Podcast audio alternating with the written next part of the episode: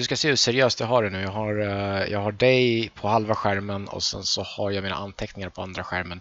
Jag har en tom browserruta på ja, ett annat ställe och sen så har jag Audacity igång. Den här tomma browserrutan kommer jag kanske behöva för att kolla upp lite definitioner och stuff under tiden eller referenser. För det, det här kommer vara ett jättebrett jävla ämne. Ja. Men du är redo att blixtsnabbt bara googla Ja, men precis. När du säger någonting. Någonting. som jag bara vet i hjärtat inte är rätt, då googlar jag det och så visar det sig att du hade rätt. Så måste jag hitta någon anledning till att varför du ändå är dum i huvudet. Eller så kan du googla något årtal som du sedan gör till ditt eget. Och eh, ja, men det är väl allmänt känt tror jag att eh, Precis. Open World eh, startade 1983 precis. med det och det spelet. Ja, precis. Det kommer ju, ingen kommer kunna dubbelkolla det. Jag vet inte ifall folk lyssnar på vad vi säger i den här podcasten och fact-checkar oss. Nej, alltså den här podcasten har, har noll lyssnare ändå och eh, de som eh, mot förmodan skulle snubbla in på den eh, bryr sig inte. Nej, Det okej. är bakgrunds-noise. Oj, oj, oj. Då var vi här igen. Hej! Hej! Detta är tredje gången gillt avsnitt 344. Och eh, jag pratar med Doru Aprotiasei igen. Hej Viktor! Hej, hej! Hej, hej. hej. Eh, senaste gången vi pratade var avsnitt 342 i november förra året och då var ju coronan fortfarande den stora världshändelsen och så trodde man väl i sin enfald att nu ser vi ljuset i slutet av tunneln. Men sen dess så har ju andra saker hänt. Förra veckan så invaderade ju Putin Ukraina. Så det är bara det ena efter det andra, känns det som i dessa tider. Ja, ljuset i slutet av tunneln är ett skenande godståg med Vladimir Putins ansikte på sig. Ja. Och innan coronan så var det Trump-åren. Så jag funderade på det lite. Att när var världen normal senast egentligen? Var det Ja, typ det- 2016? Bra, bra fråga. Det, men vet du vad? Alltså, det vi egentligen kanske kommer fram till är att det är det här som är normalt. Alltså efter ett tag så Mm. måste det ju liksom, man måste kanske medge att man bara är liksom nostalgisk med, vad heter det, så här, eh, rose tinted glasses eller vad de säger på engelska. Att man tittar bakåt och tror att det var så himla mycket bättre förr. Men vet du vad, det har typ alltid varit någonting som har legat och varit jobbigt i bakgrunden. Ja. Det normala är onormalt. Typ. Eh, Jag funderade lite på också, alltså hela anledningen till att jag vill snacka med dig är dels att det är trevligt att snacka med dig, men jag hade någon slags tanke om att Elden Ring Mm. nyligen har släppts och då vill jag snacka Open World och bena lite i det ämnet. Egentligen så hade jag tänkt att det vore kul att göra en, en podcast alldeles innan Elden Ring släpps, innan man så att säga har facit i handen. Men då började du typ, nej, jag ska renovera mitt badrum istället. Och eh, Så där låter Så jag blev- för övrigt. det är pre- precis så lät du. Fast jag, fast jag skrev det ju i text, men okej. Ja, ja, men ändå. Eh, Mitt badrum, det går väl före From Software. Eh, Vad har de någonsin gjort för mig? Har, har, har, du, har du spelat spelet? Jag har ju inte det. Nej, inte jag heller. Jag vet inte vad du pratar om. There we go. Eh, nej, alltså så här. Jag, jag spelade Horizon Forbidden West, vilket jag tycker om. Jag tycker att det var ett väldigt trevligt spel. Um, Men sen kröp sig ju Elden Ring sakta på. Alltså det, det hela var dålig planering av mig. Jag började spela eh, Horizon lite för tätt in på Elden Ring. Och nu, nu känner jag att jag kan ju fan inte köra Elden Ring direkt in på Horizon. För det första kände jag att jag var tvungen att köra klart Horizon, för att annars kommer jag aldrig göra det. Eh, och sen vill jag inte köra två stycken gigantiska open world-spel back to back. På något konstigt sätt så typ respekterar jag Elden Ring lite för mycket för att köra det just nu. Eh, Jag vill köra det med, jag vill ge, ge spelet bästa möjliga förutsättningar. Så för tillfället sitter jag med en så här, vad säger man, pal palettrensare i form av Infernax, vilket är ett eh, 2D retro, lite så här Simons Quest, Castlevania 2, Battle of Olympus-aktig historia. Eh, som är helt okej så här. 7 av 10 spel, eh, men det är det jag spelar istället för Elden Ring. Jag har Elden Ring installerat och klart, så jag ser Elden Ring-ikonen varje gång jag startar Infernax, men jag tillåter inte mig själv att starta Elden Ring. Så Infernax är uh, ingefäran i den open worldiga sushi-buffé som du för närvarande står inför? ja, typ. Ja. Så kan man säga. Vad har du för ursäkt att inte köra Elden Ring? För du gillar ju också From Software-spel. Ja, det gör jag absolut. Alltså, ursäkt vet jag inte. Det är väl mer att så här, backloggen är ganska stor som den är. Jag har ingen brådska och, och det verkar som att jag har rätt att inte ha någon brådska för att um, Elden Ring är ju extremt väl mottaget. Uh, mm, det har ja, fått visst. jättebra recensioner och allt vad det är för någonting. Men ingenstans så har jag egentligen läst att det skulle vara någon slags revolution utan det verkar bara vara From Software jättebra som vanligt. Hur konstigt det är. Så det känns inte som att så här, okej, okay, nu har det skett någon jäkla speldesign breakthrough här som är så fantastisk att ju längre du väntar desto fattigare blir ditt liv och desto sämre blir du mm. som yrkesproffs. Liksom. Så då känner mm. jag också så här, jag, jag, har mer ångest över att inte, fortfarande inte ha spelat Breath of the Wild. Jag vet mer om Breath of the Wild än jag har mm. spelat det. Uh, men så här, jag, jag är okej okay med det. Uh, man kan inte spela allt hela tiden. Jag, jag, jag tar tag i båda de spelen förr eller senare. Uh, samma med Horizon Forbidden West, det kommer jag också lira för att jag gillade faktiskt Zero Dawn. Mm. Um, mm. Jag har hört, och det här blir ju väldigt snillen spekulerar podcasten, uh, men jag har hört om Elden Ring att det ändå, jag har hört från vissa i alla fall, att det faktiskt ska vara lite revolutionerande. Just för att det, det känns otroligt stort, men samtidigt så proppat på innehåll, vilket mm. ju, det, det, är ju lite av en, en evig dragkamp i open world-spel. Att antingen gör man ett stort spel eller så gör man ett, ett bra spel, typ. Mm. Eller ett uh, rikt spel. Ja, uh, man gör det precis så stort som, uh, som man kan göra det bra om man vet vad man pysslar med. så att man kan hålla en viss, liksom, viss nivå av kvalitet. Men det, det är kanske det kanske är vårt startskott att sätta igång vår diskussion om open world på, kanske lite mer allmän nivå. Eh, jag tror att det kan vara värt att så börja med att definiera lite termer. Liksom. Vad, mm. vad, då, vad då open world? Alltså, vad, vad, vad, menar vi för någonting? Eh, är det samma sak som sandbox? Eh, mm. Så här, vad menar du när du säger open world? Ja, alltså jag tror att både du och jag har, och för den delen eventuella personer som lyssnar på den här podden, har ungefär samma slags bild i huvudet av vad ett open world-spel är give or take några små detaljer. Men, men om man faktiskt ska börja definiera det i ord så det är väldigt svårt att dra gränsen någonstans. Jag, jag kollade på, på Wikipedia här och Wikipedia definierar det som In video games an open world is a game mechanic of using a virtual world that the player can explore and approach objectives freely as opposed to a world with more linear and structured gameplay. Mm. Och det stämmer ju förvisso. Eh, på liksom, den bilden i huvudet av, av Open World som jag har. Mm. Men det är ju samtidigt så otroligt vagt och luddigt så den, den definitionen kan man ju lägga på med typ Pong i princip. För, det, för att liksom, ja. spel, spel per definition är ju en, en underhållningsform som går ut på att vara, vara interaktivt. Och är det interaktivt så kan man ju approacha objectives freely. Jag menar så här, mm. Spela Super Mario Bros 1. Eh, vill du hoppa en meter innan Goomban eller två meter innan Goomban? Mm. Eller vill du gå in i Goomban? Det är, så här, det, det är ju en ja, slags frihet också. Ja, precis. Det, det är så här, det ska ju vara frihet som faktiskt har någon form av konsekvenser. Liksom strategisk frihet, inte bara när det kommer till execution som man i och för sig kanske kan göra mer, mer eller mindre bra. Ja. Um, men jag menar så här, Pac-Man, om Pac-Man går till höger, vänster, upp eller ner, det kommer ge olika konsekvenser. Ja, det... Är Pac-Man då ett open world-spel? Ja, nej precis. Jag, jag, jag, tror att du har rätt i att det är mer av en gradient än en binär på och av-grej. Men jag tror att mm. också eh, i den där Wikipedia-definitionen, jag tror att det ord som man ska lägga jättemycket vikt på är game mechanic. Va? Det är väl det de sa där i början.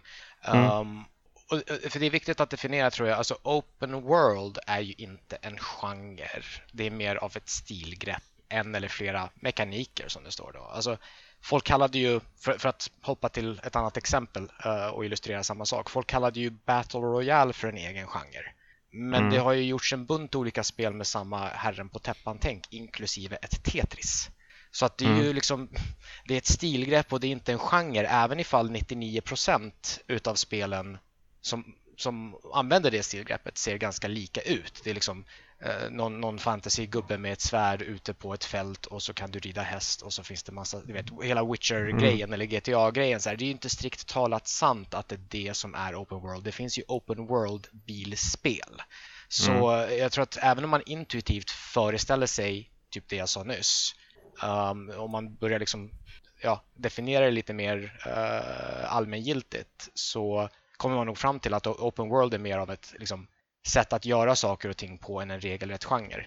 Um, och, och, det blir svårare att identifiera kärnan i vad som utgör open world om man lastar på alldeles för många grejer i definitionen. Så måste man styra en, en, en gubbe? Nej, som sagt, det finns bilspel. Liksom. Ja, men vad, vad, måste vara sant för att någonting ska vara ett open world? Då?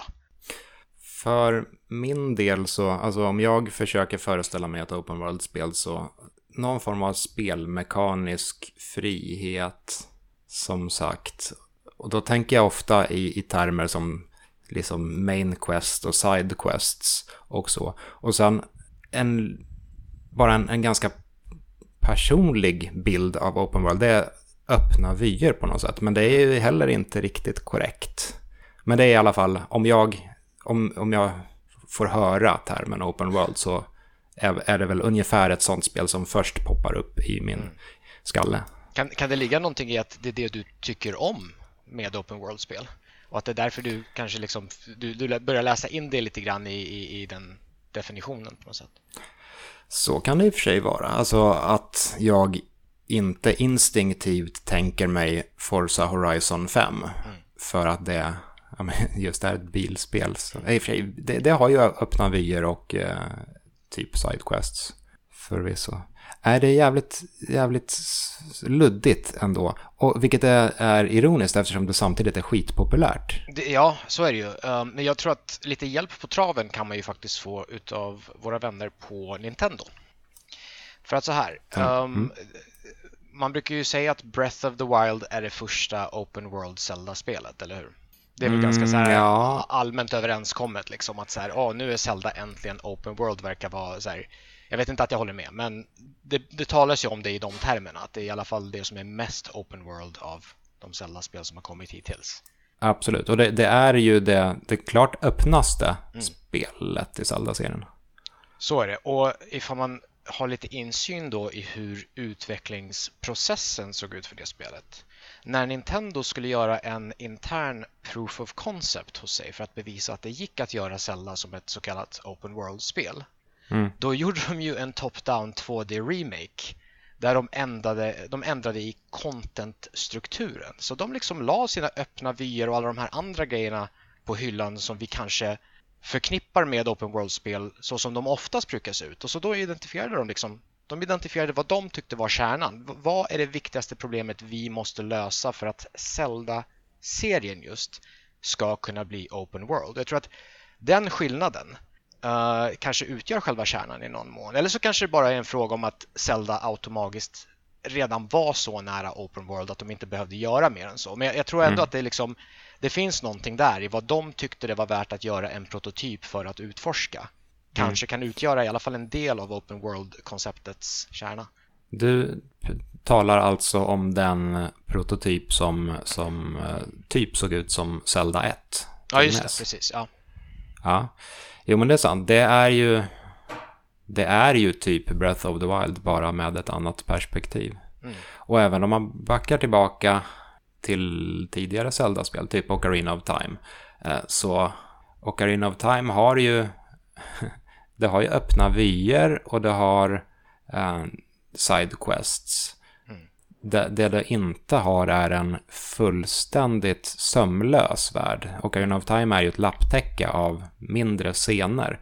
Men de är ganska snyggt ihoplappade. Så att mm. man från den ena lappen, Hyrule Fields, kan titta upp mot nästa lapp, um, Death Mountain, med Kakariko Village däremellan. Mm.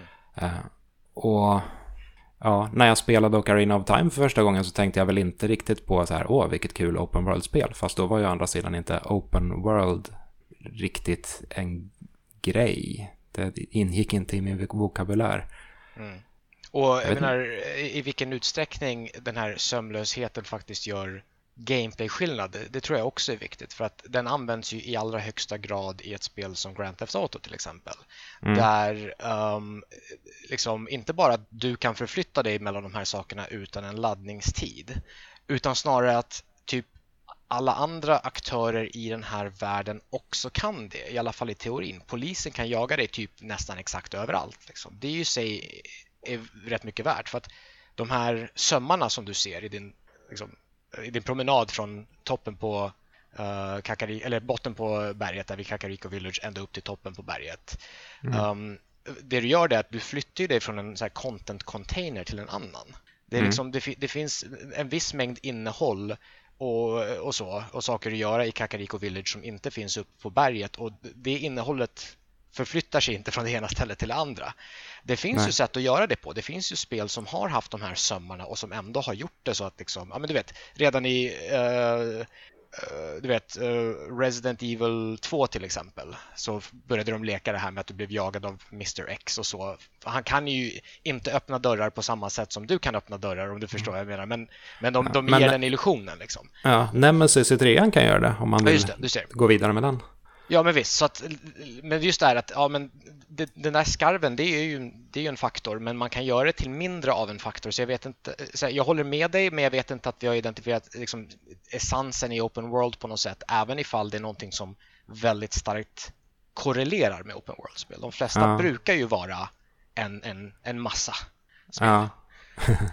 ja, eh, liksom på tal om skarvar. Eh, Half-Life 2 är ju ett spel som definitivt är ihoplappat. Mm. Det, alltså det, det, reagerade man ju över redan 2004 när man körde det spelet för första gången. Att mm. det hade väldigt tydliga små laddningshack eh, överallt. Eh, men det känns ju extremt ihopknutet ändå.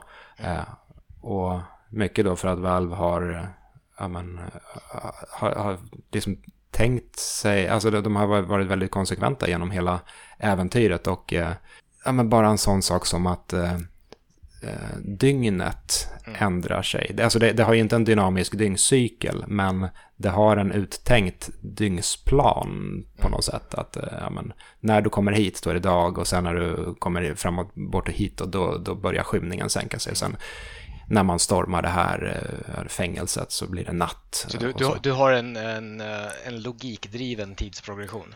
Ja, det, det, får mig att, nu svävar jag ut ganska mycket här, men det, det får mig att tänka lite på Terminator 2-filmen, mm. eh, som ju också har en extremt tydlig just dygnsprogression. Eh, ja, ja och, och, så, det... och, och, så, även, så även spelet Bloodborne liksom. Ja, just det. Mm. Så det är ju ett sätt att, eh, ja, kanske inte göra, skapa en öppen värld, men att skapa känslan av en värld i alla fall. Mm. De sakerna hänger ju också ihop lite med, eh, med rent logiska begränsningar i spelet också. Det finns ju till exempel vissa uppdrag som så här, side missions och grejer i Bloodborne som ifall du inte har gjort dem under det första segmentet där det fortfarande är skymning mm. så försvinner den möjligheten och hela den questlinen när du väl kommer till liksom, midnatt. Mm. Um, så det är också en sån här grej att det, det, är ett sätt att organisera content på. Jag tror att där kommer vi någonstans till kärnan med vad Open World handlar om. Um, jag, jag, tror att...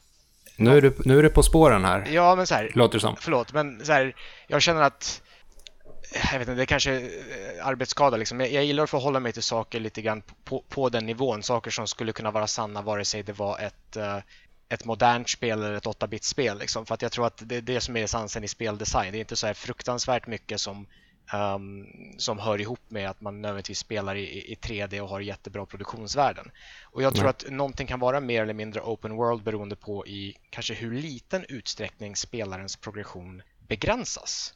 Um, antingen av logik eller säg geografi. Så för, mm. för, att förtydliga lite grann, så här, med logik så menas att du måste ha klarat bana 1 för att få tillgång till bana 2.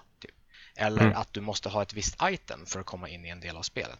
Alltså med item menas såväl nycklar i bokstavlig mening som faktiska items som ger dig särskilda förmågor som du behöver för att ta dig förbi ett hinder. Så typ så här hookshotten eller vad det nu kan vara för någonting. Du kommer inte in i det där templet utan hookshotten. Uh, och, och, allt det där brukar vi kalla gates på engelsk speldesign-lingo. Uh, och i de fall som jag har nämnt, uh, i alla fall hittills, så är det hårda gates. Eller de är tänkta att vara hårda gates men sen kommer någon speedrunner och har sönder dem. Men mm. um, det finns ju också mjuka gates. Och där behöver du inte ha en nyckel eller ett item. Men du måste kanske besegra en boss som är så in i helvete svår om du är för dåligt levlad eller för dåligt utrustad eller, eller för dålig. Uh, mm. Men logiken tillåter det. Så då är det en mjuk snarare än en hård gate. Um, så att jag tror att det är en viktig grej att så här, open world-spel har ofta färre gates. De har inte inga gates, men de har ofta färre gates och framförallt så har de färre hårda gates. Mm. Um, det, det, tror jag är en liksom, hyfsat allmängiltig grej. Mm. Jo, men precis. Om man kollar tillbaka på det första Zelda, alltså ja. NES Zelda, så är det ju på, på sitt sätt ett open world-spel, för det har ganska mycket frihet ändå. Uh, mm. Och en del sådana här mjuka gates eller eh, nyckeldörrar eller vad man nu väljer att kalla dem. Eh, med, i, i form av svåra fiender, eh, vilket även Breath of the Wild bygger vidare på. Eh, Om man kollar på, snuddade, på, snuddade vid GTA också, att GTA 3 liksom anses ju vara någon slags milstolpe för open world-konceptet. Men GTA 3 är ju, liksom som namnet antyder, inte det första GTA-spelet. Det är ju snarare liksom det, det första 3D-GTA-spelet. GTA 1 och 2 existerar ju också, men de har ett eh, top-down perspektiv. Eh, så då, just det här med öppna vyer kanske, det kanske man kan mer eller mindre sortera bort från den här mm. diskussionen.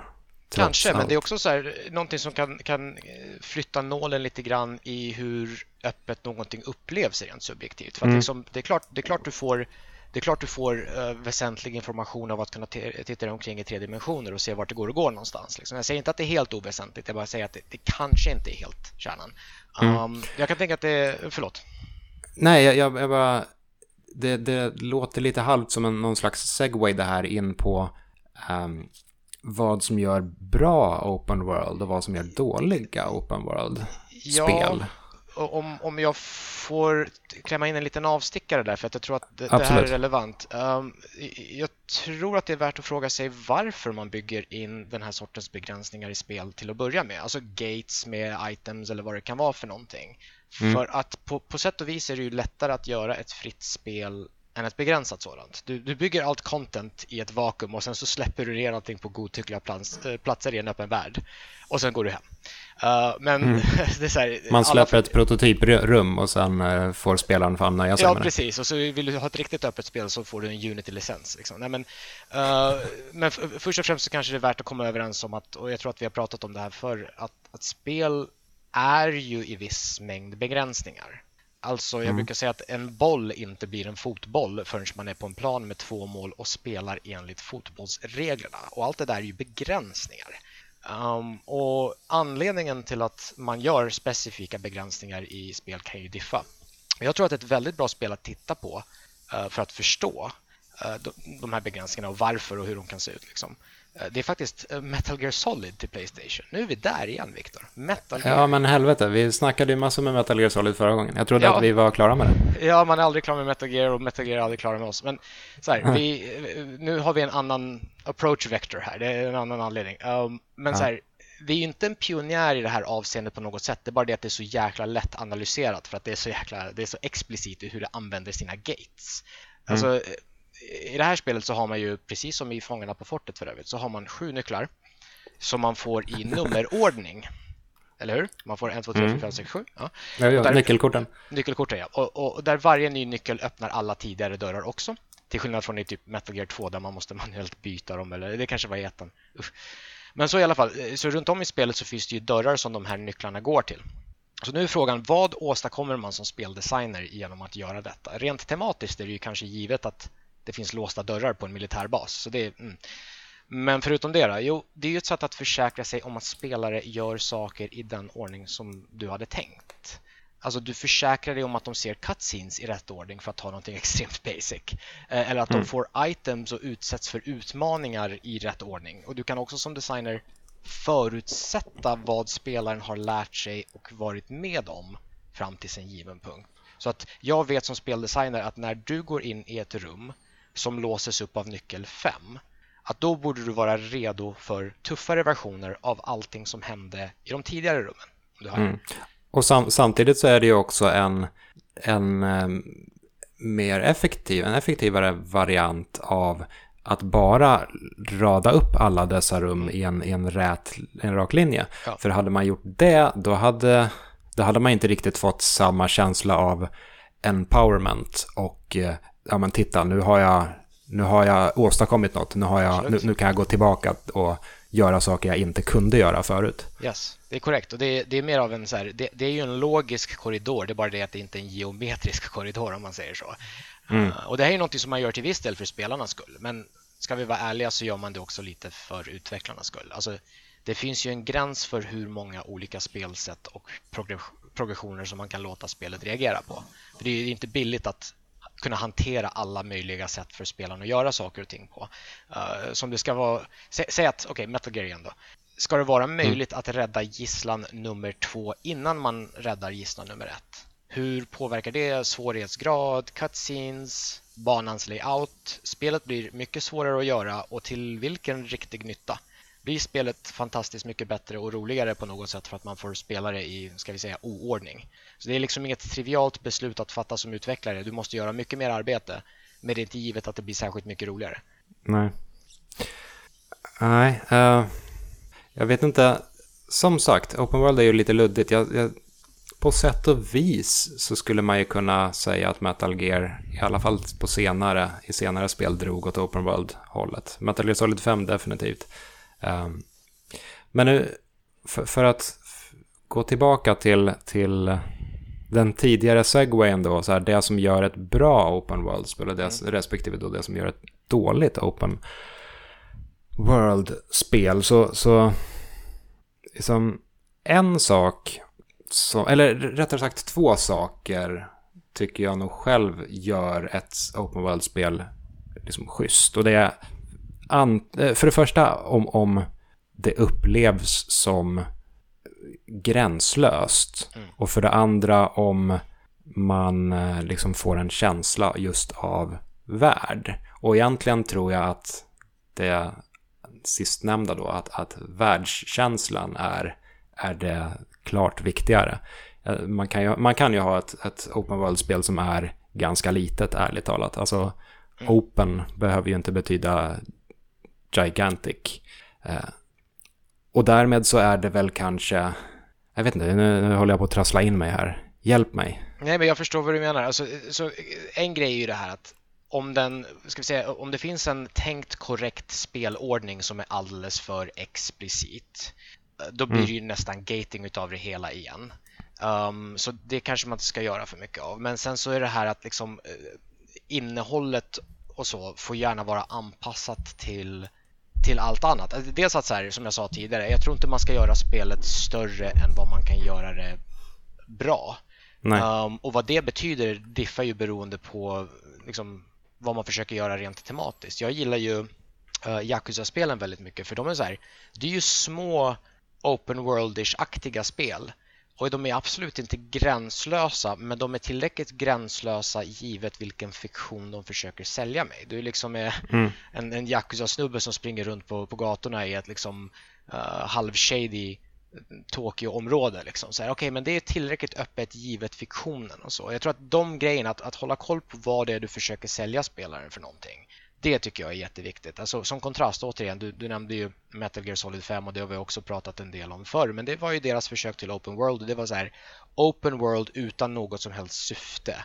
Uh, mm. på, på, många sätt tematiskt ganska korrekt men, men inte roligt för det. Så det där är liksom det, det, det, är inte en more is more situation. Större är inte alltid bättre, vare sig när det kommer till liksom, förmågor som spelaren har, hur stor världen är ens hur mycket myller det är i världen är inte nödvändigtvis. Så jag, jag, tycker om där det finns mycket stuff i världen men ifall det är massa stuff som inte har någon impact på spelarens upplevelse och som spelaren egentligen inte kan interagera med så är det också så här, det blir ju, det blir bakgrundsbrus förr eller mm. senare. Det är ju en fälla som ganska många open world-spel faller i. Är just att, nu, nu, jag vet inte om jag, eh, nu kanske jag eh, förolämpar dig här i och med att du var väl lite halvt eh, inblandad i alldeles i början, men Just Cause-serien, mm. Avalanche mm. serie. Jag, jag, gillar Just Cause-spelen, eh, men jag vet inte om jag skulle säga att världarna i Just Cause är så här jättebra. Mm. De, de, är imponerande för att de är jättestora. Mm. Men just i och med att de är så otroligt stora så lär ju, jag lär mig typ aldrig de världarna. Mm. Det, det, det, är kul bakgrundsmiljöer, men liksom släpp ner mig i, i mitten av en Just Cause-karta utan kompass och så jag kommer vara fullständigt lost och inte hitta vare sig hit eller dit. Ja, just det. Eh, om man då istället jämför med något betydligt mer begränsat, typ Ocarina of Time till mm. exempel, mm. så den världen hittar jag i. Den världen får jag någon slags relation till. För att jag lär mig geografin och jag, ja, men så här, Kakariko Village ligger åt det hållet, öknen ligger åt det hållet. Jag, jag, kan, jag ser hur komponenterna hänger ihop. Och det här tror jag att man kan översätta lite till bara verkligheten också. Att ens, vad ska man, ens närområde, i mitt fall, jag, eh, jag är eh, uppvuxen i liksom, norrort, norr om Stockholm. Mm. Jag hittar ganska bra i norrort. Jag vet ungefär hur olika eh, pendeltågsstationer hänger ihop. Och så här, ja, men om jag står här och går hitåt så hamnar jag på Järvafältet. Går jag hitåt hamnar jag i Ulriksdal. Eh, däremot om jag är ute och, jag vet inte, tar en taxiresa på en ort där jag inte hittar, då har jag inte samma mentala bild i huvudet av mm hur saker hänger ihop. Det som krävs då är snarare någon form av stort landmärke, typ Eiffeltornet eller Tokyo Skytree eller något kul berg eller någonting sånt där, som, som man hela tiden ser och kan förhålla sig till.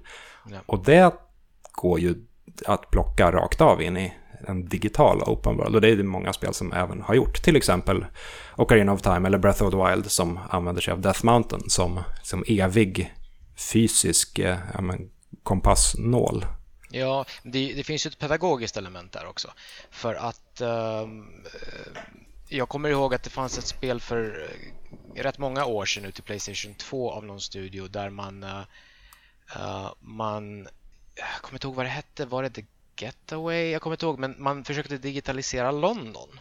Mm. Så det var ett open world-spel uh, där man spelade, jag tror i alla fall delvis som polis snarare än en tjuv.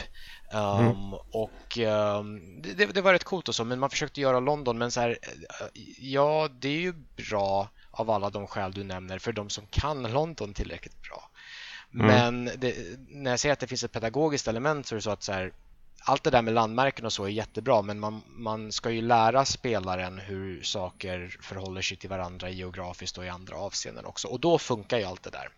Uh, men man, jag tror att det är viktigt att man liksom man använder sig av diverse trick inklusive att man har en karta och allt vad det är för någonting för att du vet till en början så har inte spelaren allt det där internt. Det kommer sen men Mm. Liksom, blir du droppad i världen så kan det vara hur väldesignad som helst.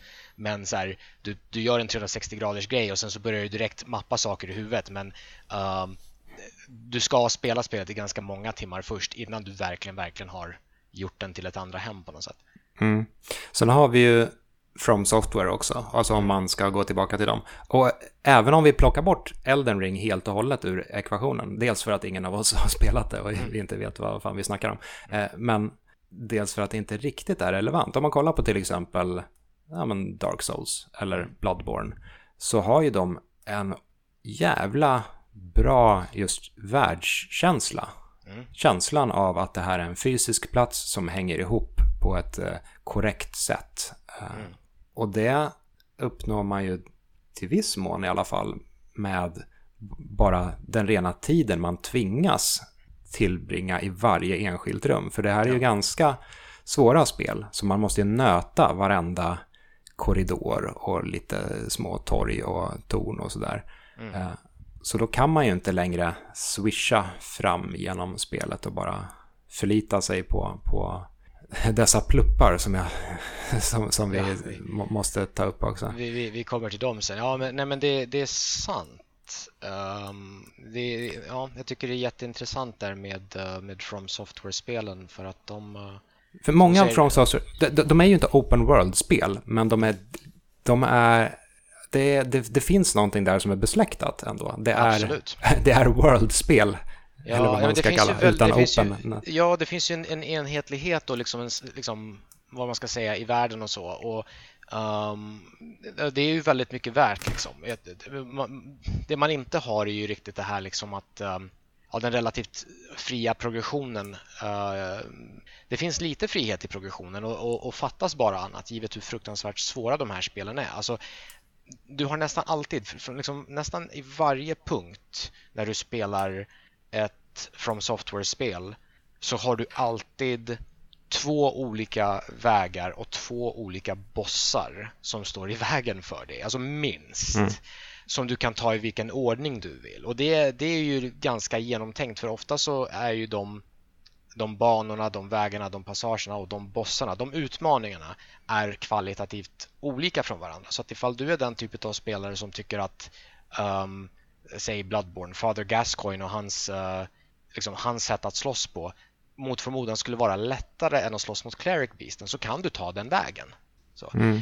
um, så att uh, det är åt det hållet, men återigen, det är, liksom, det är inte ett binär ja nej grej utan det är lite av en, en, en slider tror jag, lite av en gradient. Att det, det, är lite öppnare men kanske inte tillräckligt för att um, kallas open world. Men jag tror också att det, det, finns, alltså det finns ett jättestort subjektivt element i det hela för att Near Automata är också ett väldigt intressant spel att diskutera. Det är väldigt många mm. som faktiskt kallar det för ett open world-spel. Eller sagt att det mm. åtminstone har en open world-struktur. Det, det, har ju typ samma struktur som Ocarina of Time. Jag tänkte säga det, det har ju explicit erkänts av skaparna att de mer eller mindre snodde världsdesignen och delar av contentstrukturen från Ocarina of Time som vi snarare kallar gamla skolans actionäventyr på något sätt. Ja. Alternativt, eh, vad, vad, ska man säga, halv-open world. Den här sub-sub-genren eh, som man ofta tillskriver typ moderna Tomb Raider och liknande. Ja, men det, jag bara tycker att det är så intressant att så här, um, att så många är beredda att kalla ner Automata och då är det folk som kanske inte har tänkt på det lika mycket som du och jag har men de är mer eh, benägna, mycket mer benägna att kalla ner Automata för ett open world-spel än vad de är att kalla Ocarina of Time för, för ett open world-spel. Och det är inte helt uppenbart varför folk verkar tycka att nålen har gått så mycket längre mot open world i Ners fall än i Ocarina of Time. Alltså en, en, enkel förklaring är ju att open world inte var en term 98 men att mm. det var en term 2017. Det kan vara så, eh, precis som Zelda och Karen of Time släpptes idag så kanske man skulle förhålla sig till det annorlunda givet Ja, då skulle man säga, ja, titta, Nintendo gör en uh, moderna Tomb Raider-klon. Ja, men typ. Men en annan grej som jag har funderat på uh, är att det är mindre item slash ability gating i Nier än vad det är i Ocarina of Time. Alltså, det tricket verkar ju någonting som, alltså, folk verkar ju förknippa den typen av gating med icke open world-spel. Att man faktiskt kräver items och nycklar i den utsträckning som, som Ocarina of Time gör. Mm. Um, folk verkar inte störa sig så mycket på att delar av världen öppnas upp av story och quest-logik. Det verkar inte vara ett jätteproblem. Nej. Men det är intressant för att spelaren har ju färre items och således färre verb i Near Automata. Så att det följer också att det blir mindre progression där man samlar items som man sen måste använda på diverse sätt för att låsa upp världen. Och, och I förlängningen så känns ner kanske öppnare trots att spelaren alltså har färre sätt att interagera med världen på och, och rent mm. av färre valmöjligheter i strid, vilket ju är en så stor del av spelet. Ja, men det, det är också lite intressant att story är ju egentligen precis lika mycket av en låst dörr som en faktisk låst, låst dörr som kräver en nyckel är. Det spelar egentligen ingen som helst roll för själva den övergripande spelstrukturen om ens väg blockeras av en järndörr som man måste låsa upp eller om den blockeras av en, um, en cutscene som låses upp av att man har pratat med någon annan karaktär tidigare Nej. för att aktivera just den befintliga uh, cutscenen.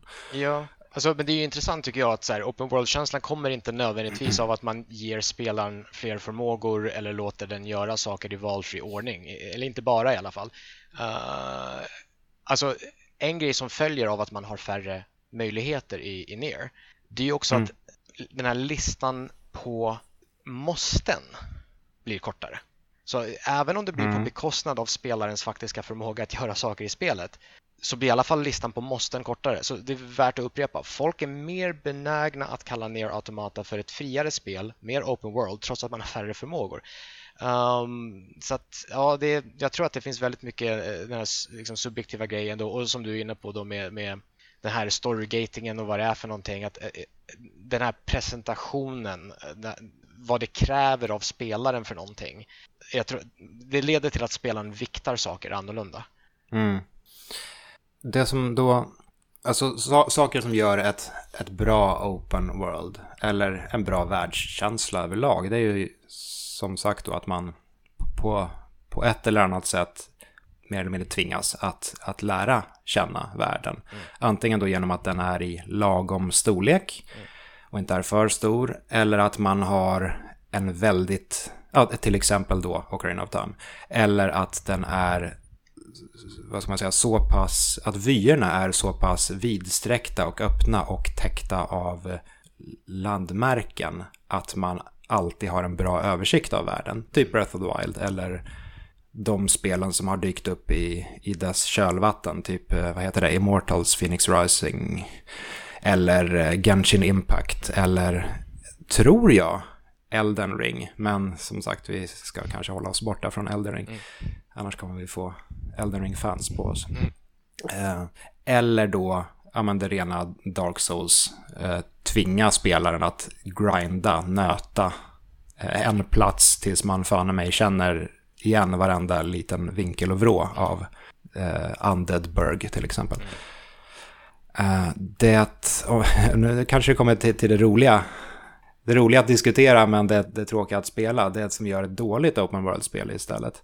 Och jag vet inte hur elakt det där är att säga, men nu är det dags att snacka Ubisoft. Mm. Ja. För kan, Ubisoft... kan, kan, inte du börja prata Ubisoft?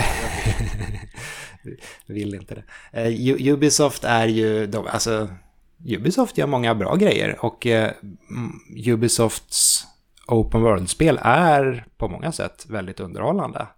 Men det finns ju även massor med saker som... Det, det har ju det har blivit nästan lite parodiskt att de de följer en, en mall med just de beryktade Ubisoft-plupparna. Man får en karta som innan man vet ordet av är täckt av små pluppar som indikerar små sidequests och eh, sidoaktiviteter. Jag, jag tror att problemet här är att ofta kombineras det med någon form av eh, quick travel. Mm. Vilket gör att man i princip bara quick travelar mellan dessa pluppar utan att tänka på världen i stort. Mm. Så det, man, man kunde egentligen bara haft alla dessa pluppuppgifter i separata små rum och så kunde man ha valt dem i en, i en meny istället. Det, det är ju en glorifierad lista. Och, ja. det, och just det faktum att det är så mycket fast travel, det finns ju ett, liksom, ett erkännande därifrån spelets designers att så jäkla intressant är inte våran värld. Du kan lika gärna så spola fram. Det, det är en sån här feature som, som man kommer på sig själv att nästan så här önska att man hade i Metal Gear Solid 5 utav all the wrong reasons. Liksom att så här, okay, vi vet, det kommer inte hända någonting. Så mm. Och som, som, kontrast då så kan jag säga att några av, av de mycket bättre grejerna, så här, och det här, jag kastar handsken och säger att det, det, är det, det är det här som folk, vare sig de vet eller inte, tycker om med Elden Ring, säger jag som, som har som inte har spelat det och dessutom har försökt läsa så lite om det som möjligt för att jag vill inte bli för spoilad. Mm. Uh, men jag, jag, jag, bara känner så här, den här listan med stuff på en jäkla karta är ju så anti vad From Software någonsin skulle göra, så det har de inte gjort. Och Det betyder att när du utforskar deras jäkla värld, då utforskar du verkligen deras värld och du har ingen aning vad som kommer att dyka upp. Nej. Och det är ju så e-, enormt mycket värt. Um, Härligt att höra dig prata upp Elden Ring. Ja, Från en spelare som inte har kört Elden Ring till en annan. Ja, men precis. Men, men, men det finns andra alternativ också. Uh, man kan titta på annat som jag tror att både du och jag har spelat.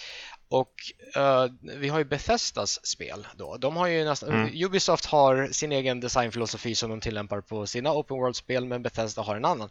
De har, tycker jag, hittat en ganska så mysig balans mellan uh, explicita pluppar på en karta mm. och de pluppar som bara syns på din kompass när du är tillräckligt nära dem. Mm. Det tycker jag är ganska nice, för det, finns, eh, det, det, är ju lätt att missa saker i ett 3D-spel, särskilt ett spel där topografin inte är superplatt precis hela tiden. Och det vill man ju kanske inte att den ska vara, det är inte helt trovärdigt och helt realistiskt. Men då följer det att så här, råkar du bara vara på fel sida av en kulle så kanske du missar spelets roligaste quest om du inte tittar åt rätt håll. Så det är mm. inte helt fel att nudga spelaren åt det hållet med olika trick. Liksom.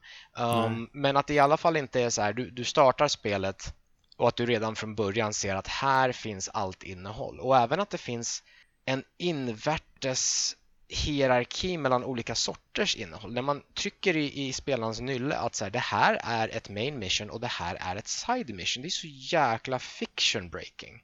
Mm. Och, och, och, det gör inte Bethesda-spelare i alls lika stor utsträckning som Ubisoft-spelen gör. Det här får mig att tänka på Horizon. Mm. Uh, främst Horizon Forbidden West för att det var det senaste jag spelade. Men uh, som jag minns det, även för, uh, Horizon Zero Dawn. För, för det är ju också världar med pluppar. Mm. Man får massa pluppar när man spelar Horizon. Men många av de plupparna är, plupp, är djurpluppar. Eh, här finns det den här typen av dinosaurier. Här finns det Thunderjaws. Här borta finns det, vad fan heter de ens i Horizon? Bonebreakers. Här finns det eh, Metalfuckers. Mm. Eh, och det, de i sig är inte riktigt quests, utan det är ju snarare, här finns den här typen av fara och därmed även den här typen av råmaterial och belöning.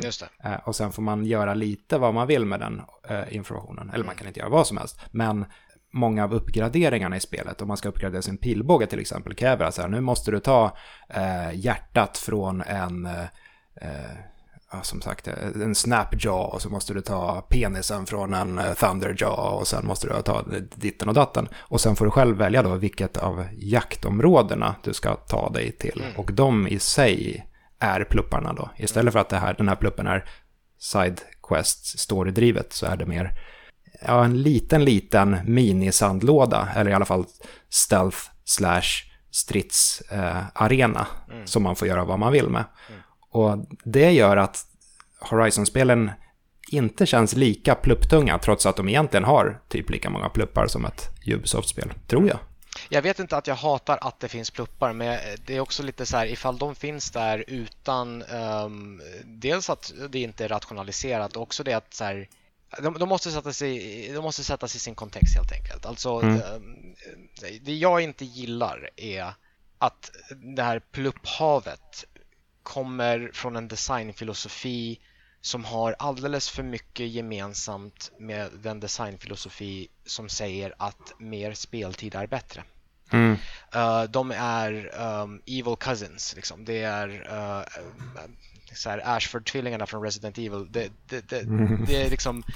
Nej men det, det, det, är dåligt. Alltså, jag, jag, så här, titta vad mycket content vi har. Alla måste samla liksom. Så här, jag blir bara överväldigad och jag känner mig lite så här, okej, okay, ni har tryckt in en massa stuff bara för att ödsla min tid.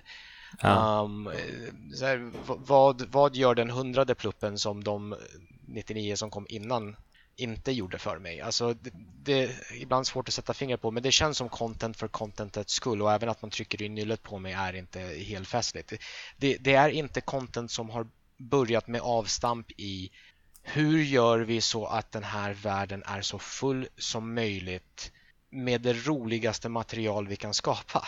Det är mm. inte det som är avstampet utan så här, hur kan vi fylla spelet med tillräckligt mycket skit som är good enough för att spelaren inte ska stänga av konsolen åtminstone. Mm. Och det, är så här, det i sig är förolämpande. Det känns lite som att få en örfil med en uh, handske i ansiktet. Liksom. Fylld av pluppar. Ja. Ja, uh, jo, men jag håller med. Uh, det, och det är väl... Det är lite den anledningen till att jag nu spelar Infernax mellan Horizon och Elden Ring istället för att hoppa direkt på Elden Ring. Att Open World-spel nästan per definition är spel som kräver massor med tid. Och ibland klickar man med det, men mm, för det mesta så klickar i alla fall inte jag längre med så här att Open World-spel ska ta 150 timmar av mitt liv ja, varje gång. Och det får ju gärna vara kopplat till något, så här, i den mån som man vill ge spelaren hjälp så får ju det gärna vara liksom, det ska ju vara för att lösa ett problem. Det finns mm. ju vissa spel där man har gjort det där ganska så snyggt som säger att det finns en massa saker i världen som du kan samla. Och när du har samlat uh, över en viss mängd så kommer vi börja ge dig allt bättre hints om var de övriga är kvar. För att det mm. inte ska bli superfrustrerande att gå tillbaka till tidigare områden där du kanske bara missat någon enstaka men du måste jaga efter den i typ 30 timmar. Liksom. Ja, men visst. Det, alltså det, det är många spel som gör varianter av. Nu, vad finns det för exempel? Diablo, tror jag. Alltså Diablo 3 till exempel har ju, har ju vissa... ursäkta, ursäkta. Eh, vissa uppdrag eh, där man ska döda typ alla fiender i en eh, dungeon. Och de sista, säg fem fienderna markeras ut på kartan, men inte resten. Så, ja, så länge det finns fiender att döda åt alla håll och kanter, då, då är det irrelevant. Men ja. när man väl måste börja leta efter de sista, då får man lite hjälp på traven. Det jag tycker är den värsta, um, en av de värsta synderna i de här Ubisoft uh, Open World-spelen. Um, jag, jag, vet inte ifall jag dragit den här termen för dig först. Så Cargo Cult Game Design. Cargo Cult är ju en sån här godssekt. Har vi snackat om godssekter för? Nej. En, Detta är nytt. En, en cargo cult, det här får du jättegärna googla för det är väldigt mindblowing. Uh, men så har ju du tränat ninja också så då kan ju du köra lugn hjärna. Aha, men, men jo, uh, en, en, en godsekt är så här, när jag först hörde talas om det här så, så blev jag jättemindblown och jag kunde liksom inte tro vad fan jag hörde för någonting. Det är en sekt som uppstod, tror jag, på Stilla havsöar under andra världskriget där de inte hade sett särskilt mycket av civilisation och, och framförallt inte den amerikanska krigsapparaten. Um, och sen så kom det amerikaner som, tror jag, i kriget med Japan och vilka de nu krigade med um, började bygga diverse infrastruktur och så landningsbanor och grejer på öar som hade en ursprungsbefolkning som inte hade sett white people för. Liksom. De hade ingen aning, vad är det som händer här? Liksom. Så de hade sina egna chilla, eh, liksom, normala liv och sen så kommer en massa människor i flygplan och de blev ju helt så här, vad, vad är det som händer liksom? Um, och sen så efter att kriget var slut så packade ju eh, amerikanerna upp sitt pick och pack och drog därifrån. Och sen så tror jag att det var antropologer som kom tillbaka till de här öarna senare och, mm. och såg att den här ursprungs befolkningen som bodde där på ön hade skapat en liten sekt kring de här amerikanerna som kom och byggde baser. Så de byggde upp sina egna baser um, där de i princip med så här pappkartonger, eller inte pappkartonger, men vad de nu hittade för någonting med trä eller vad det nu var för material de hade byggde liksom så här replikor av de här landningsbanorna och typ så här hade kokosnötter på öronen och grejer och försökte efterapa vad amerikanerna gjorde i hopp om att locka ner flygplan med förnödenheter. Alltså de trodde att kausaliteten var sådan att om du gör ritualen med kokosnötterna på öronen och allt vad det är för någonting så kommer det komma ett flygplan och ge dig mat. Det var en sån där grej, liksom, att man, man förstod inte mekaniken i sin grund. Så man, man efterapade den på ett ytligt sätt och trodde att man skulle få samma resultat. Ubisoft. Det är, lite, ja, det är inte irrelevant för att när jag säger Cargo Cult Game Design, det jag menar är att man tar en grej från ett spel, stoppar in i ett annat spel och sen blir man jätteförvånad när man uh, inte får samma resultat. Uh, om, om, man nu bryr sig, vilket jag inte vet att Ubisoft gör. Um, och, det, och, det, jag tänker på då är, är den här förekomsten av de så kallade tornen. Mm. Du känner till Också. det? De har ju börjat en kallas annan... Ubisofts Towers rent av. Ja, en annan eh, klassisk Ubisoft-grej. Ja. Uh, det, det, roliga i hela den här svängen är att du har jobbat på Ubisoft. Ja, jag, jag vet. Uh, förlåt, jag har jobbat på Avalanche också. Det, ja, jag, jag skäms nästan. Det känns som att det har gått tillräckligt lång tid att nu, nu får jag vara lite kritisk. Um, men jag har inte gjort spel med Tony i alla fall, i alla fall inte på, på Ubisoft. Um, men, men däremot så, um, de här tornen då. Um, jag slänger över uh, bollen till dig. Du kanske kan förklara för folk vad de här tornen är för någonting, för då kanske jag kommer att tänka på fler saker som jag inte redan har. Ja, ett Ubisoft-torn är ju en, eh, en plupp på kartan Eh, eller jag kommer inte ihåg om de ens markeras ut med pluppar. Jo, det är klart att de är pluppar. Vi säger att de är pluppar. Ja. Det är en, I alla fall, det är ett fysiskt torn oftast på kartan och så klättrar man upp på det och därmed låser man upp, eller man tvingar bort lite av the fog of war runt, runt tornet. Ja. Och därmed så låser man upp fler pluppar runt huvudtornpluppen. Yes.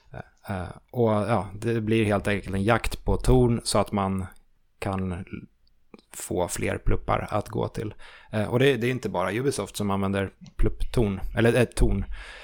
Uh, Horizon Ja. till exempel, om vi ska återgå till det, använder ju också torn, fast i det, det fallet så är tornen levande. Det är Tallnecks, Mm. stora robotdinosaurier, så, som man måste klättra upp på. Det är egentligen typ samma sak, för att man måste fortfarande klättra upp för dem i ett litet plattformssegment, eh, eh, vilket man ofta gör i ett eh, Ubisoft-torn.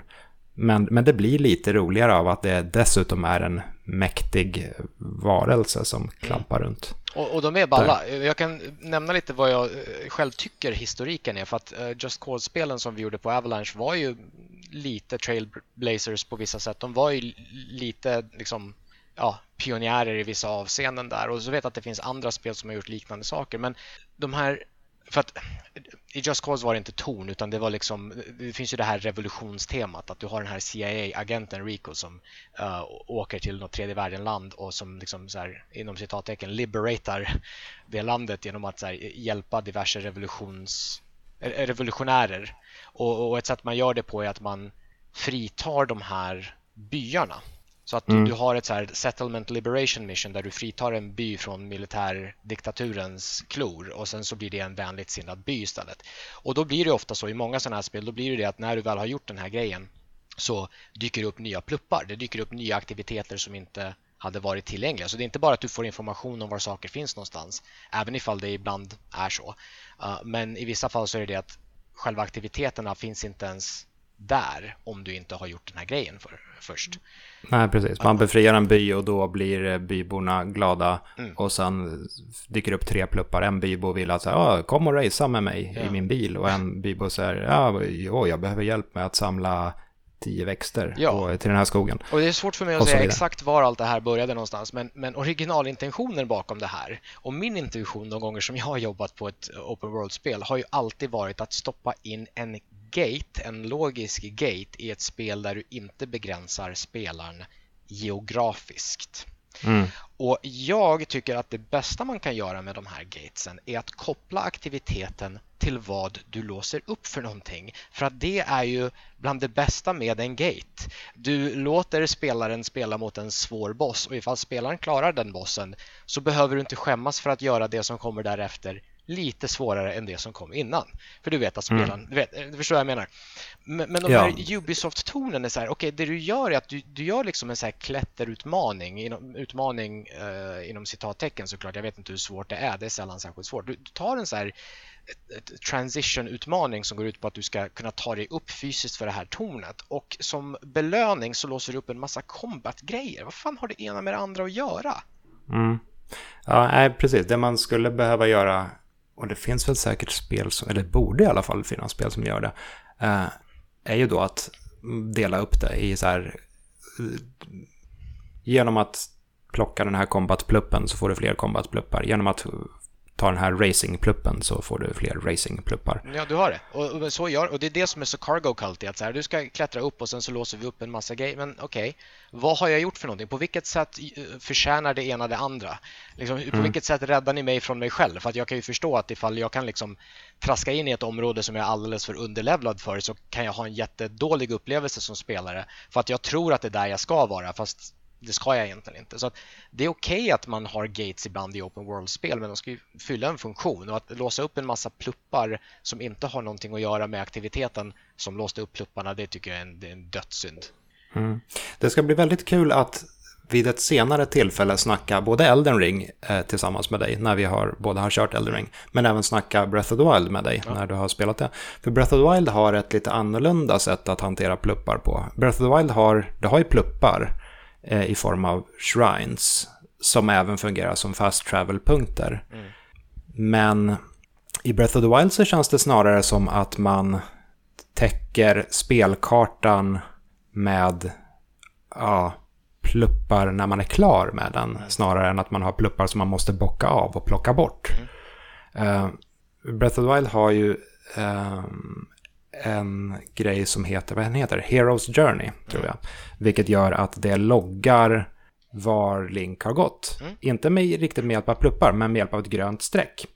Eh, och så loggar det de senaste 200 timmarna. Jag tror att det är 200 timmar. Eh, så man ser bara fysiskt var på kartan man har vandrat med ett streck. Och så kan man dessutom se en liten gubbe som går liksom i olika hastigheter då. Så här från starten av spelet fram till slutet av spelet. Det är ganska kul. Jag spelade 165 timmar Breath of the Wild tror jag. Och då har den, alltså, den har lagrat alla små steg och alla varpningar jag har gjort genom hela äventyret. Eh, men det här gör ju då att kartan har sakta men säkert täckts av ett grönt spindelnät av linjer. Mm. Vilket typ är pluppinformation, men den är inverterad. Och det, är så här, det, här är, det här området är jag klar med. Mm. Det ser jag, för att nu är det grönt.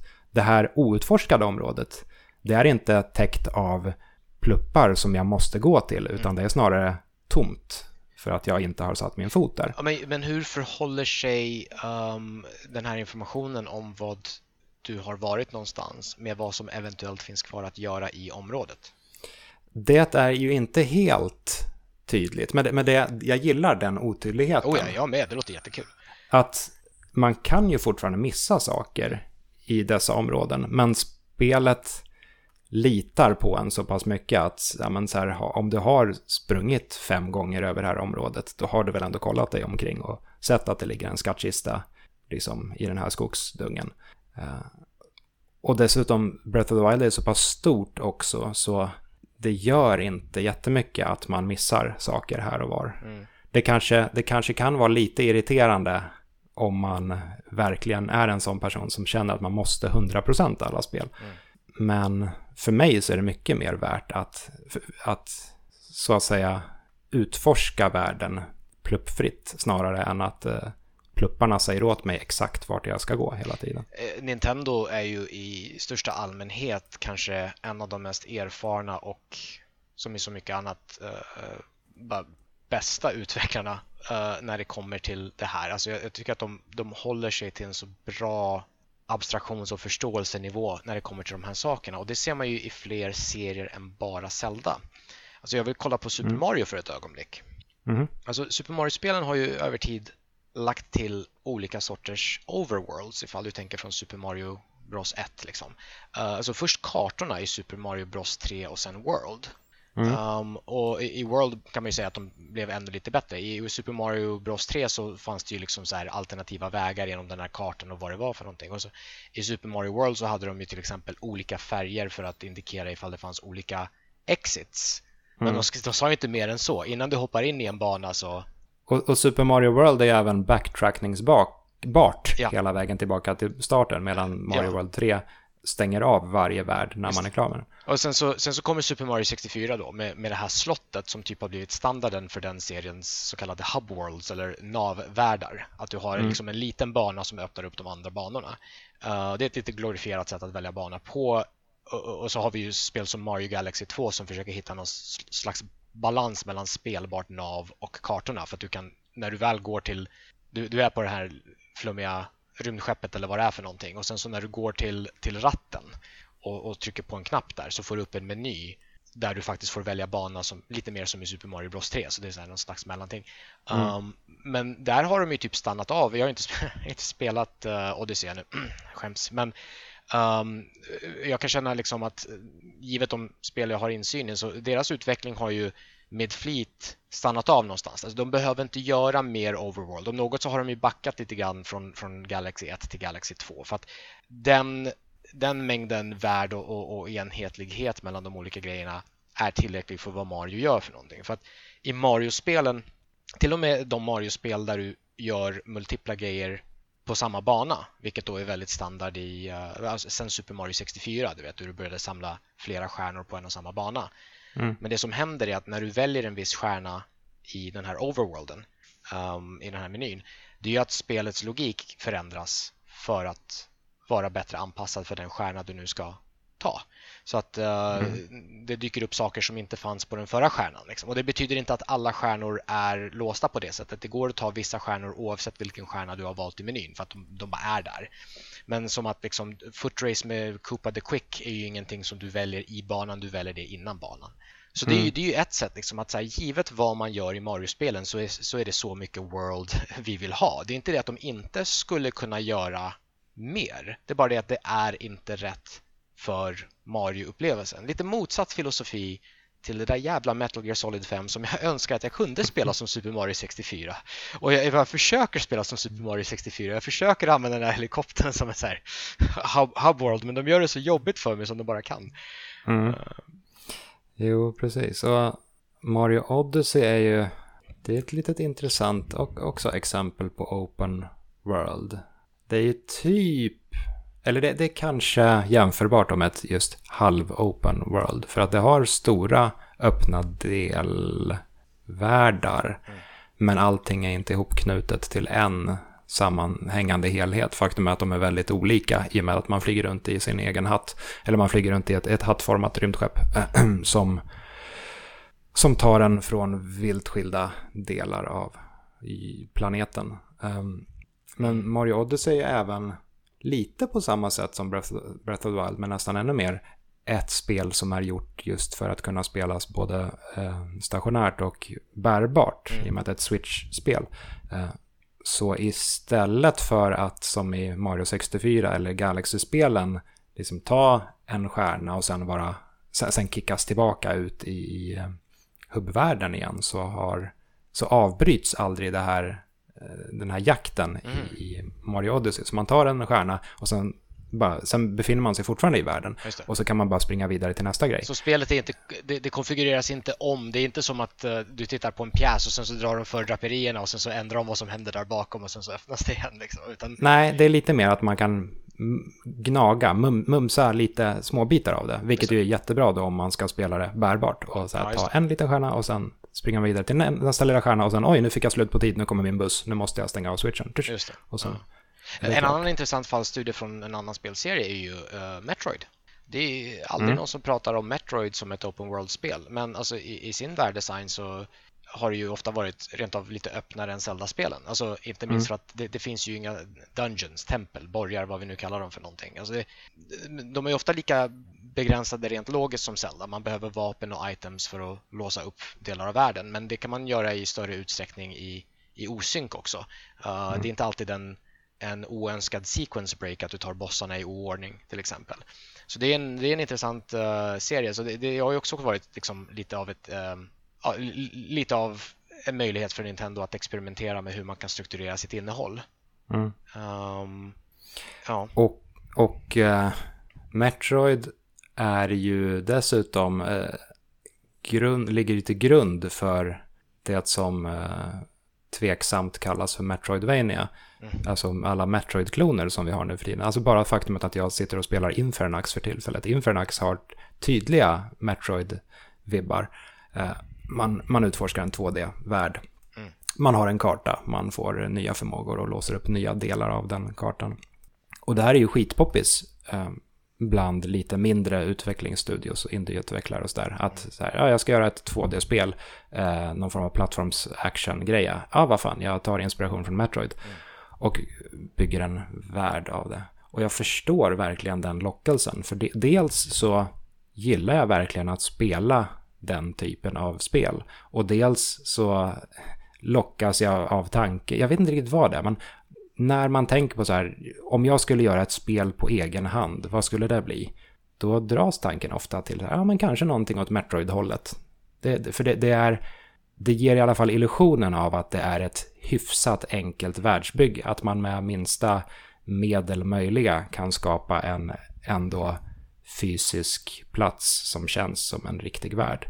Ja. Eh, jag undrar ifall, det... från, från rent logik och ska vi säga, enkelhet att designa perspektiv så är frågan ifall du inte ska uh, kika på liksom, ett, ett, annat barn till Metroid, Zelda och allt vad det är för någonting. Och det är ju liksom gamla skolans uh, survival horror-spel man tänker inte så mm. ofta på det, men alltså Resident Evil kunde lika gärna vara liksom så här, eh, ett, ett Zelda eller Metroid. Det som skiljer är såklart ja, vad, vad, syftet är med dem, men det är så här, i rent logiskt avseende så är det ju och, och, och anledningen till att det är lättare också att det rent spelmekaniskt är lättare för du behöver inte liksom vara lika orolig för att folk sequence breakar för att det, det, det, du kan göra i de spelen är mycket, mycket mer begränsat. Liksom. Men, mm. men, uh, men, ja, men Resident Evil-spelen är också väldigt intressanta så för att det är också så här um, där kan vi också snacka om skillnaden i skala och vad det betyder för någonting. Resident Evil är definitivt mindre i skala än både Metroid och Zelda. Och, och, och, det har ju implikationer och det, det kanske måste vara nästan givet, uh, givet hela skräckgrejen. Mm. Um, inte minst för att jag tror att så här, en av utmaningarna i open world-spel, i många spel, men i open world-spel och, och liksom äventyrsspel som Metroid och Zelda är ju det här med att backtracking, att du besöker gamla områden. Ifall det inte finns någon anledning att göra det, ifall det inte ger någonting, så kan det bara bli liksom ett, ett friktionsmoment. Men jag tror att mm. ifall du gör ett skräckspel och ifall du är smart nog att göra det på ganska liten yta, då är ju, då är backtracking ett fantastiskt tillfälle att vagga in spelarna i ett uh, så false sense of security och sen skrämma mm. skiten ur dem när de för tredje gången går igenom en korridor som de känner är helt rensad och sen så hoppar in någonting genom ett fönster eller vad det kan vara för någonting. Mm.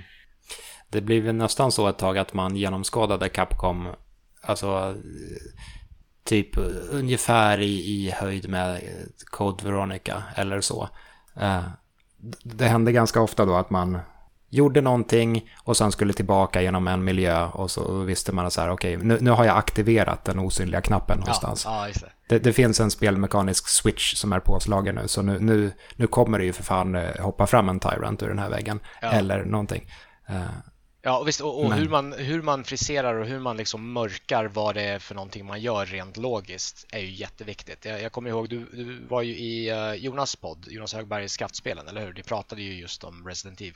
Just det, avsnitt fyra. Avsnitt fyra. Och jag kommer ihåg att um, uh, ni pratade ju om um, den här sista jäkla hissen med batteriet och ni, ni båda lackade på det och, och, för att det är liksom man ska koppla in ett batteri varpå gubben sen går in i hissen och eftersom Resident Evil funkar som det gör och att uh, saker tar plats i utrymmet, alltså i inventoriet så mm. måste man plocka upp batteriet som hade kunnat vara vapen och ammunition istället stoppa mm. in det i hissen och sen så blir det en cutscene och sen så går gubben upp i hissen utan att du ges möjlighet att springa tillbaka och hämta, säg, hagelgeväret istället.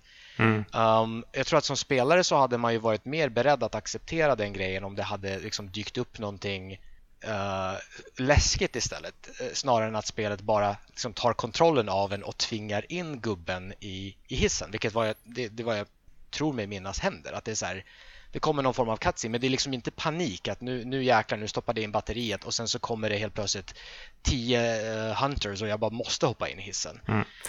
Det jag har funderat på lite är om det är ett medvetet val, att, att det tvingar, batteriet tvingar en att, um, att ha en öppen slott i inventoriet, för man behöver en öppen slott. För att lite, få lite, exakt. I slutet av striden ja. mot Cyberman så uh, kastar ju Brad som eh, cirkulerar i en helikopter ovanför ja. plattan ner ett eh, granat, eller en raketkastare och så ja. skriker han någonting flummigt. Ja, för man skriker, han skriker typ “Use it to destroy the monsters”. Ja, ja, typ. Och så slåss man mot en Tyrant. Ja, men typ. De visste inte när de skrev dialograden vad som skulle hända. Men eh, precis, men det är ju exakt vad det är för någonting. Men, men illusionen går lite sönder av hur de gör det. Men det där är ju liksom, eh, batterigrejen är en logik-gate för att du inte ska backa in dig i ett hörn och inte kunna besegra slutbossen. Mm. Um, och, och, ja, så att många av de eh, typen av tricks blir lite svårare att göra när man gör open world-spel utan att börja göra jättetydliga trattar i både logik och i uh, geografi. Så, liksom, ifall du kan ta dig till ett ställe från precis vilket håll som helst liksom, så har det jättemassa implikationer både liksom från ett gatingperspektiv men också så här, när det kommer till cutscenes och den typen av grejer. Så den typen av snortajt regi blir svårare. Alltså alla spel lider ju i viss mån av att spelaren är både huvudperson, i viss mån medregissör, kameraperson, allt vad det är för någonting. Um, så ju fler, ju, ju, öppnare och ju mer frihet du ger spelaren desto mer uh, lämnar du även upplevelsen i händerna på spelaren. Så det är väl en mm. av de stora utmaningarna i open world-spel också. Att så här, det, blir, det blir mer upp till dig som spelare att göra det roligt. Mm. Om man ska försöka knyta ihop den här säcken så är ju ett ganska etablerat sätt att knyta ihop en säck på att eh, blicka fram lite i, blicka framåt i tiden. Eh, vad kan man spekulera om alltså, vad kan man vänta sig av open world-genren i framtiden. Jag, jag, jag, har inget tydligt svar på det här. Jag skrev ner lite stödord här. VR? frågetecken har jag skrivit. Autogenererat innehåll? frågetecken. Eh, påverkbara miljöer inom parentes Minecraft har jag skrivit upp. Eh, VR kanske vi kan sortera bort ganska hårt. Det har jag inte riktigt med. Eller liksom, det kan ju säkert eh, förhöja känslan av att befinna sig i en värld. Men det i sig påverkar ju inte, inte spelmekaniken så mycket. Um, autogenererat innehåll och um, en påverkbar värld däremot, det, det, är ju kanske värt att ta upp. Båda två finns ju rep väl representerade i Minecraft. Minecraft är ju ett väldigt, um, ja, på sitt sätt gränslöst spel. Det har ju en värld som är så pass stor att man, man kommer ju aldrig någonsin liksom kunna lära känna en hel Minecraft-värld. Mm. De är ju, ja, nu kommer jag inte ihåg exakt hur stora de är, men det är ju liksom på en planetär skala. Mm. Det var någon som hade skissat upp så här, så här stor är den absolut största Minecraft-världen som kan genereras och det var ju vad det nu var, halvvägs till månen eller någonting sånt där. Eh, så, och det, det, kan man ju aldrig någonsin lära känna som på samma sätt som man lär känna Hyrule i Ocarina of Time. Eh, å andra sidan då så har man ju möjligheten att forma världen efter, sitt, efter sin vilja. Man kan bygga en eh, cool borg eh, på toppen av ett berg. Man kan gräva en, en eh, lustig underjordisk bas om man så vill. Mm. Um, vad tror du? Är det här, är någon av de här två komponenterna, det vill säga en uh, autogenererat innehåll eller um, en dynamisk värld som kan förändras lite beroende, lite, lite hur som helst. Är det någonting att titta på inför framtiden? Jag tror att det kommer att göras allt fler experiment med båda de två sakerna. Det jag tror också är uh, bra med att spel som Breath of the Wild uh, nu Elden Ring har blivit så, så hyllade som de har. Att jag, jag tror att de också öppnar upp diskussionen kring, kring hur och varför man gör open world. Just för att mm. de, så här, de, de gör sin egen grej i så stor utsträckning och de, de bryter emot så många av de här ja, Ubisoft-konventionerna som har blivit konventioner just för att Ubisoft har varit så jäkla bra med att spotta ur sig många spel enligt den mallen.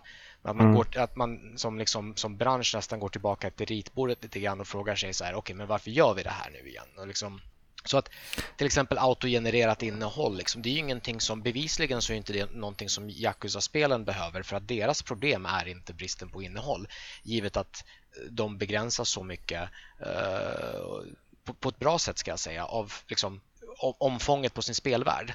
Um, och det är ju så att deras, uh, deras metoder att arbeta fram det här innehållet som inte använder sig av autogenerering funkar ju bevisligen givet deras affärsmodeller. Spelen säljer tillräckligt bra. De har inte gått i konkurs ännu och de, de utvecklas ganska fort. Så för mm. dem så funkar ju det. Så att det är mest en fråga om så här, i vilken subkategori utav open world, nu vill jag inte säga genren, men du förstår. Liksom, så här, vilken typ av open world-spel kommer att använda dessa saker mest? Eh, ja, jag vet inte. Men, men mer av dem kommer vi definitivt se. Och, och, Du använder ju Minecraft som exempel. Låt oss påminna folk igen om Bethesdas spel som använder uh, autogenerering uh, mycket när det kommer till logik just. Så här, uh, uppdrag. Liksom, det, det finns variabler i mission definitionen. Du ska gå till mm. plats X och döda så här många av fiende Y. Mm. Um, den typen av stuff. Det används redan, kommer säkert fortsätta användas uh, där spelmekanikerna kräver det och, och, och har stöd för det. Mm. Det jag inte vet kommer att ske är att det kommer att göras fler spel som tar avstamp i nu jäklar kan vi göra autogenererat innehåll för att jag vet inte att det har egenvärde. Nej, alltså vi, vi har ju hela roguelike-genren. Alltså det, det, det, blir ganska luddigt där. Eller, eller, eller utsvävande ska jag säga.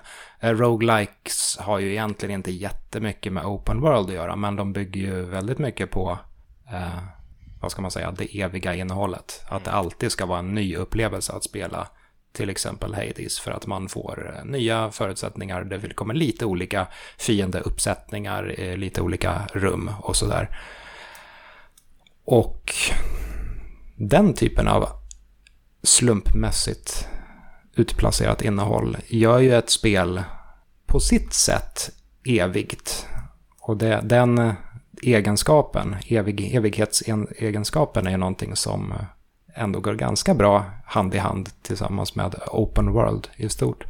Och eh, du snuddade ju också vid det, varför, varför är branschen så fixerad vid open world helt plötsligt? Jag funderar på, har det att göra med störst möjligast avkastning, liksom arbetstimme eh, för utvecklarna översatt till speltimme för spelarna?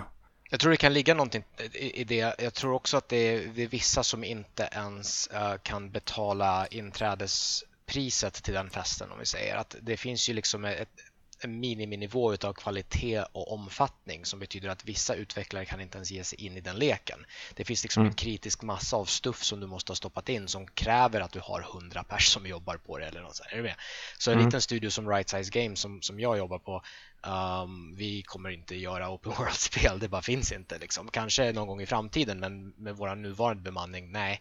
Um, så att ja, det finns absolut ett, ett, uh, ett affärsmässigt argument där också.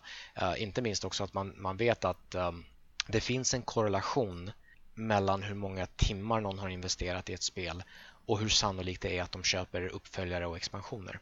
Mm. Och den statistiken har gjort ganska mycket ont i branschen också för att det, det, det kan ge upphov till ganska många dåliga speldesignfilosofier. Liksom. Men den korrelationen finns där och man ska, låtsas, man ska inte låtsas att den inte gör det. Nej, det, ja, jag, jag försöker fortfarande knyta ihop den här säcken men det, vi kommer ständigt in på nya små roliga avkrokar. Okej, okay. du pratade faktiskt om Carrying of Time Jonas Högberg i två och en halv timme. Du kan inte ha bråttom nu. Nej, det är sant.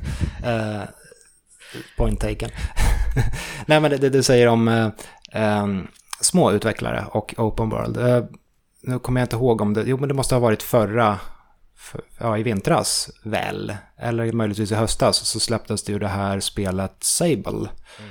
Som är ett väldigt snyggt typ open world-spel när man utforskar en, en ökenvärld tillsammans med en tjej med mask. Eh, och spelet innehåller ingen form av strider utan det är helt och hållet utforskar och eh, lite pussel mässigt baserat. Mm. Men det är ju inte utvecklat, vad jag vet, av ett storföretag. Nej. Jag tror att det är ett ganska litet team som gör det. Eh, och ja, 2021 så kunde man göra ett sånt spel med ganska få människor. Eh, backar man tillbaka i tiden till, vad är det, 2001 så tror jag, så släpptes ju GTA 3 som utvecklades av Rockstar som i högsta grad är ett jätteföretag. Mm. Så Open World har nog krupit neråt i, i, utvecklingsteamens storlek, om man ja. säger så. Ja, och, och, och, klart, eh, verktygen har ju blivit bättre. Det finns många fler assets som du bara kan köpa istället för att göra själv. Så det, det, det är sant. Mm. Att det liksom det, men, men det är också väldigt viktigt, vi får inte bli för cargo culty här, uh, det är viktigt att det inte finns några strider. Det är en jättegrej. På samma sätt som ifall det inte finns bilar som kör runt som du kan krocka med. Det är en jättegrej.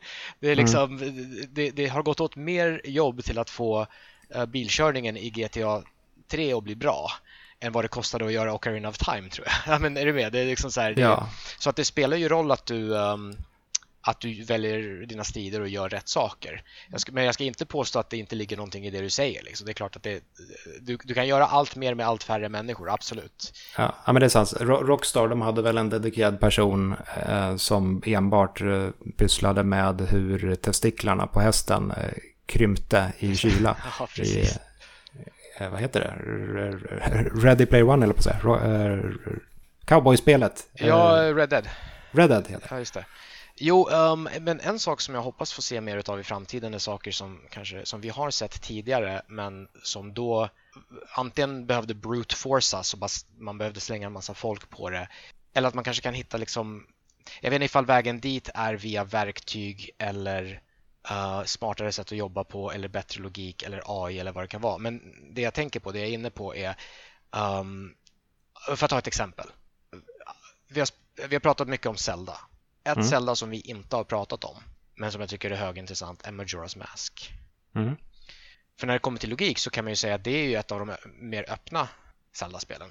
Det är ju en del gating och så där också, men det finns mycket öppenhet där. Alltså när du väl har en, en viss mängd masker och grejer och vad det är för någonting så, så, så, i alla fall vad jag minns så är det ganska öppet. Men en kvalitet som det spelet kanske framförallt har som jag skulle vilja se mer av och som är just den grejen som jag var inne på lite flummigt där att så här, jag kan förstå varför det inte har blivit mer av den varan.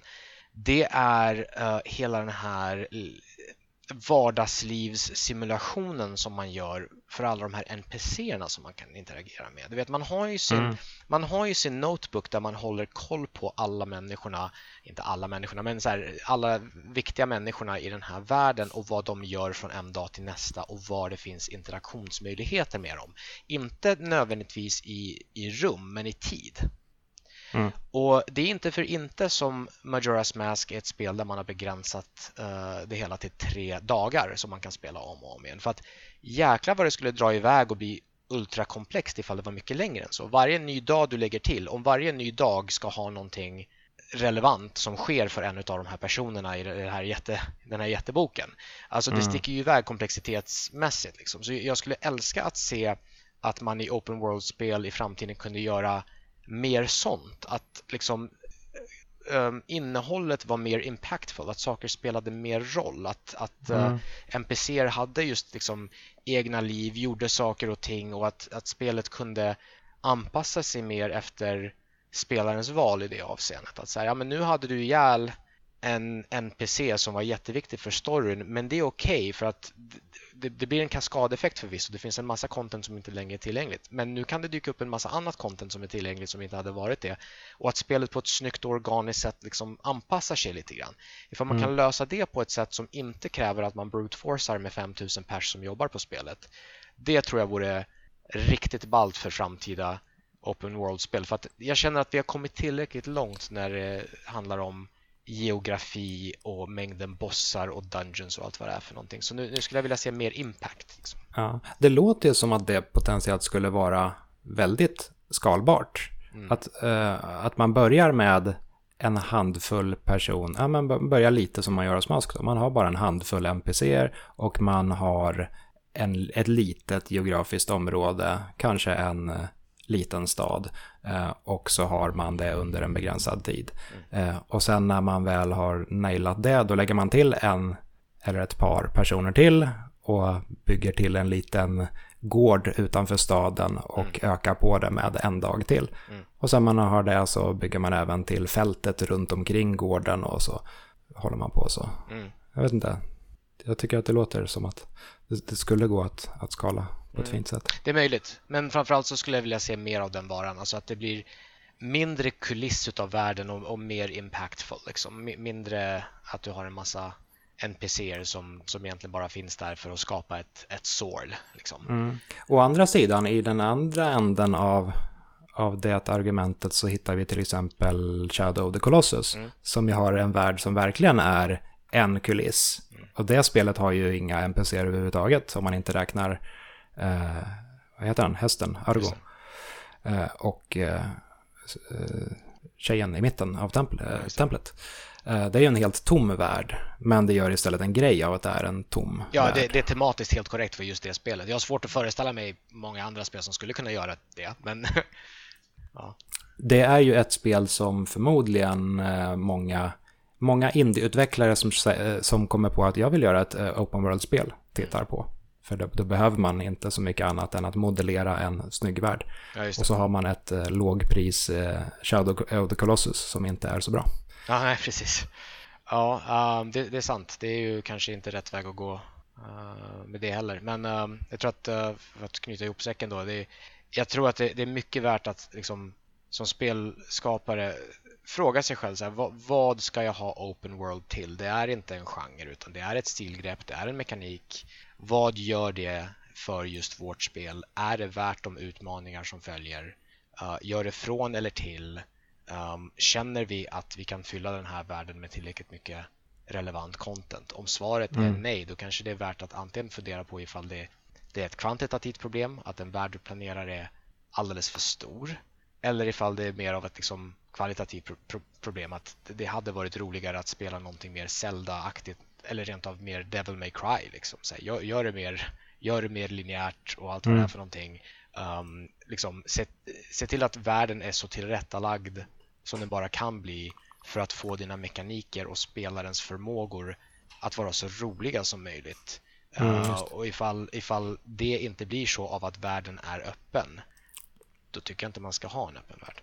Nej, jag tycker överlag att det, är, det finns alldeles för många open world-spel eh, idag. Eh, jag skulle gärna se ett eh, kliv bort från den utvecklingen. Vilket är lite ironiskt med tanke på att spelet som jag ser fram emot absolut mest att spela är just Elden Ring. Och jag liksom på pappret så verkar det vara precis min typ av upplevelse. Så jag, det skulle inte förvåna mig ett dugg om det visar sig vara eh, Game of the Year för mig personligen när året är slut. Mm. Jag tror att jag kommer sitta i december och, och tänka tillbaka på Elden Ring. Ja, det var jävligt bra. Ja. Jag är jättenyfiken på hur mycket, som sagt, hur mycket impact det kommer att, att, ha. Eh, men jag är också väldigt nyfiken på vad som händer med några av de andra stora aktörerna, framförallt inom Open World och då är det eh, liksom Take-Two och Bethesda. För att de har säkerligen liksom låtit spel som Grand Theft Auto 6, uh, eh, nästa Elder Scrolls, kanske nästa Fallout också ligga och puttra i någon slags här förproduktionsstadie ganska länge. Så jag förstår att de inte har velat släppa dem för snart för att de gamla spelen fortsätter ju sälja. Folk köper ju fortfarande Skyrim. Jag vet inte vem det är som fortfarande liksom inte har spelat Skyrim, men folk köper ja, ju Skyrim om och om. GTA, GTA 5 kommer ju senare den här månaden till Playstation 5. Ja, men precis. Liksom. Okej, okay, fine, men liksom, under de förutsättningarna så har du ju inte jättebråttom att släppa nästa uppföljare. För att så varje mm. exemplar av GTA 6 som du, eller GTA 5 som du säljer uh, kommer ge dig mer pengar per utvecklingskrona än vad GTA 6 hade gjort. För att du måste ju recoupa det du har investerat. Sen vet inte jag mm. vad deras personal gör om de inte jobbar på GTA 6. Men, uh, men, men poängen är att det här är spel som har legat och puttrat väldigt mycket i bakgrunden så att en av två saker kan hända uh, är att så här, andra spel kommer ut som får dem att känna att okej, okay, den designmentalitet som vi hade när vi började jobba på vårt spel för fem år sedan nu har kanske blivit lite föråldrad.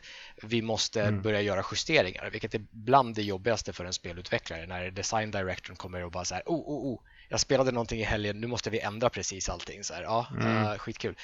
Men eh, det andra alternativet är att de har ju gått sin egen väg i sån utsträckning att när nästa GTA kommer och när nästa Fallout kommer, när nästa Elder Scrolls kommer så har de gått ytterligare en väg som inte är åt säg Breath of the Wilds håll eller, eller Elden Rings håll men som kanske är lika impactful och det skulle vara jättespännande att se vad det skulle vara för någonting för de spelen är ju i allra högsta grad maximalistiska.